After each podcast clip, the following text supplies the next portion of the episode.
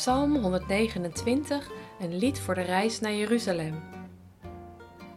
Kom, maak het overal bekend. Altijd al hebben we vijanden gehad. Altijd al, vanaf het eerste begin.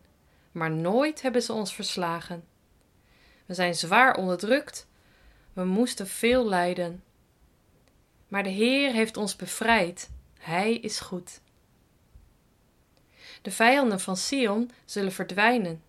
Ze worden weggejaagd. Ze zullen niet langer bestaan.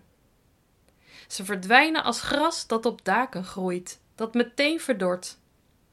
Niemand kan het maaien, niemand kan het oogsten, zo snel is het verdwenen. Tegen die mensen zegt niemand: De Heer zal goed voor jullie zijn. Maar aan ons zal de Heer geluk en vrede geven.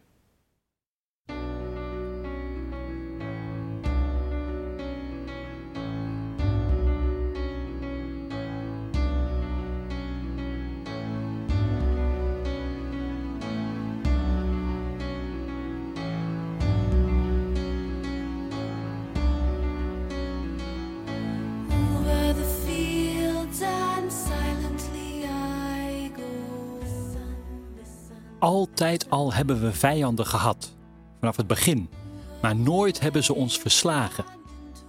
Het lijkt het plot voor een gemiddelde Hollywoodfilm. De underdog, de man van wie je het niet verwacht, de persoon die zoveel tegenslag ondervindt, gaat er uiteindelijk met de buit vandoor en vindt het ware geluk. Wij zijn zwaar onderdrukt, zegt de psalm dan. We moesten veel lijden. Die mensen ken je vast wel. Mensen bij wie het lijkt of het ongeluk aan hun kont kleeft. De pechvogels. De mensen die in zeven sloten tegelijk lopen. Is het pech? Is het onkunde? Is het een verkeerde jeugd?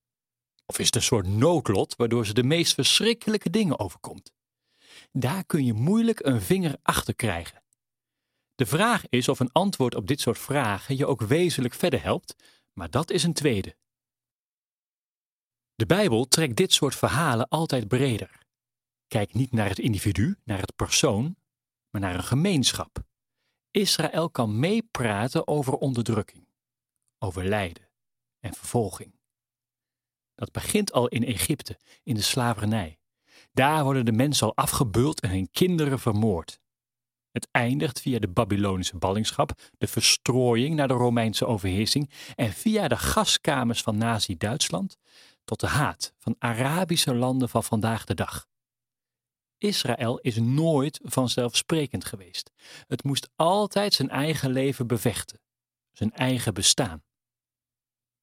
Maar het volk bestaat nog. Het is niet gebroken.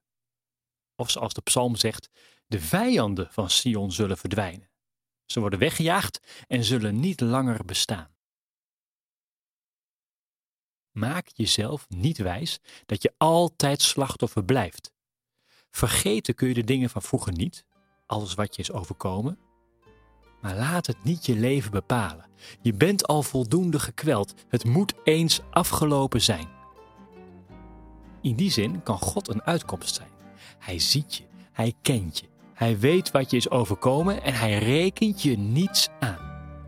Probeer het en zie dat het de toekomst opent.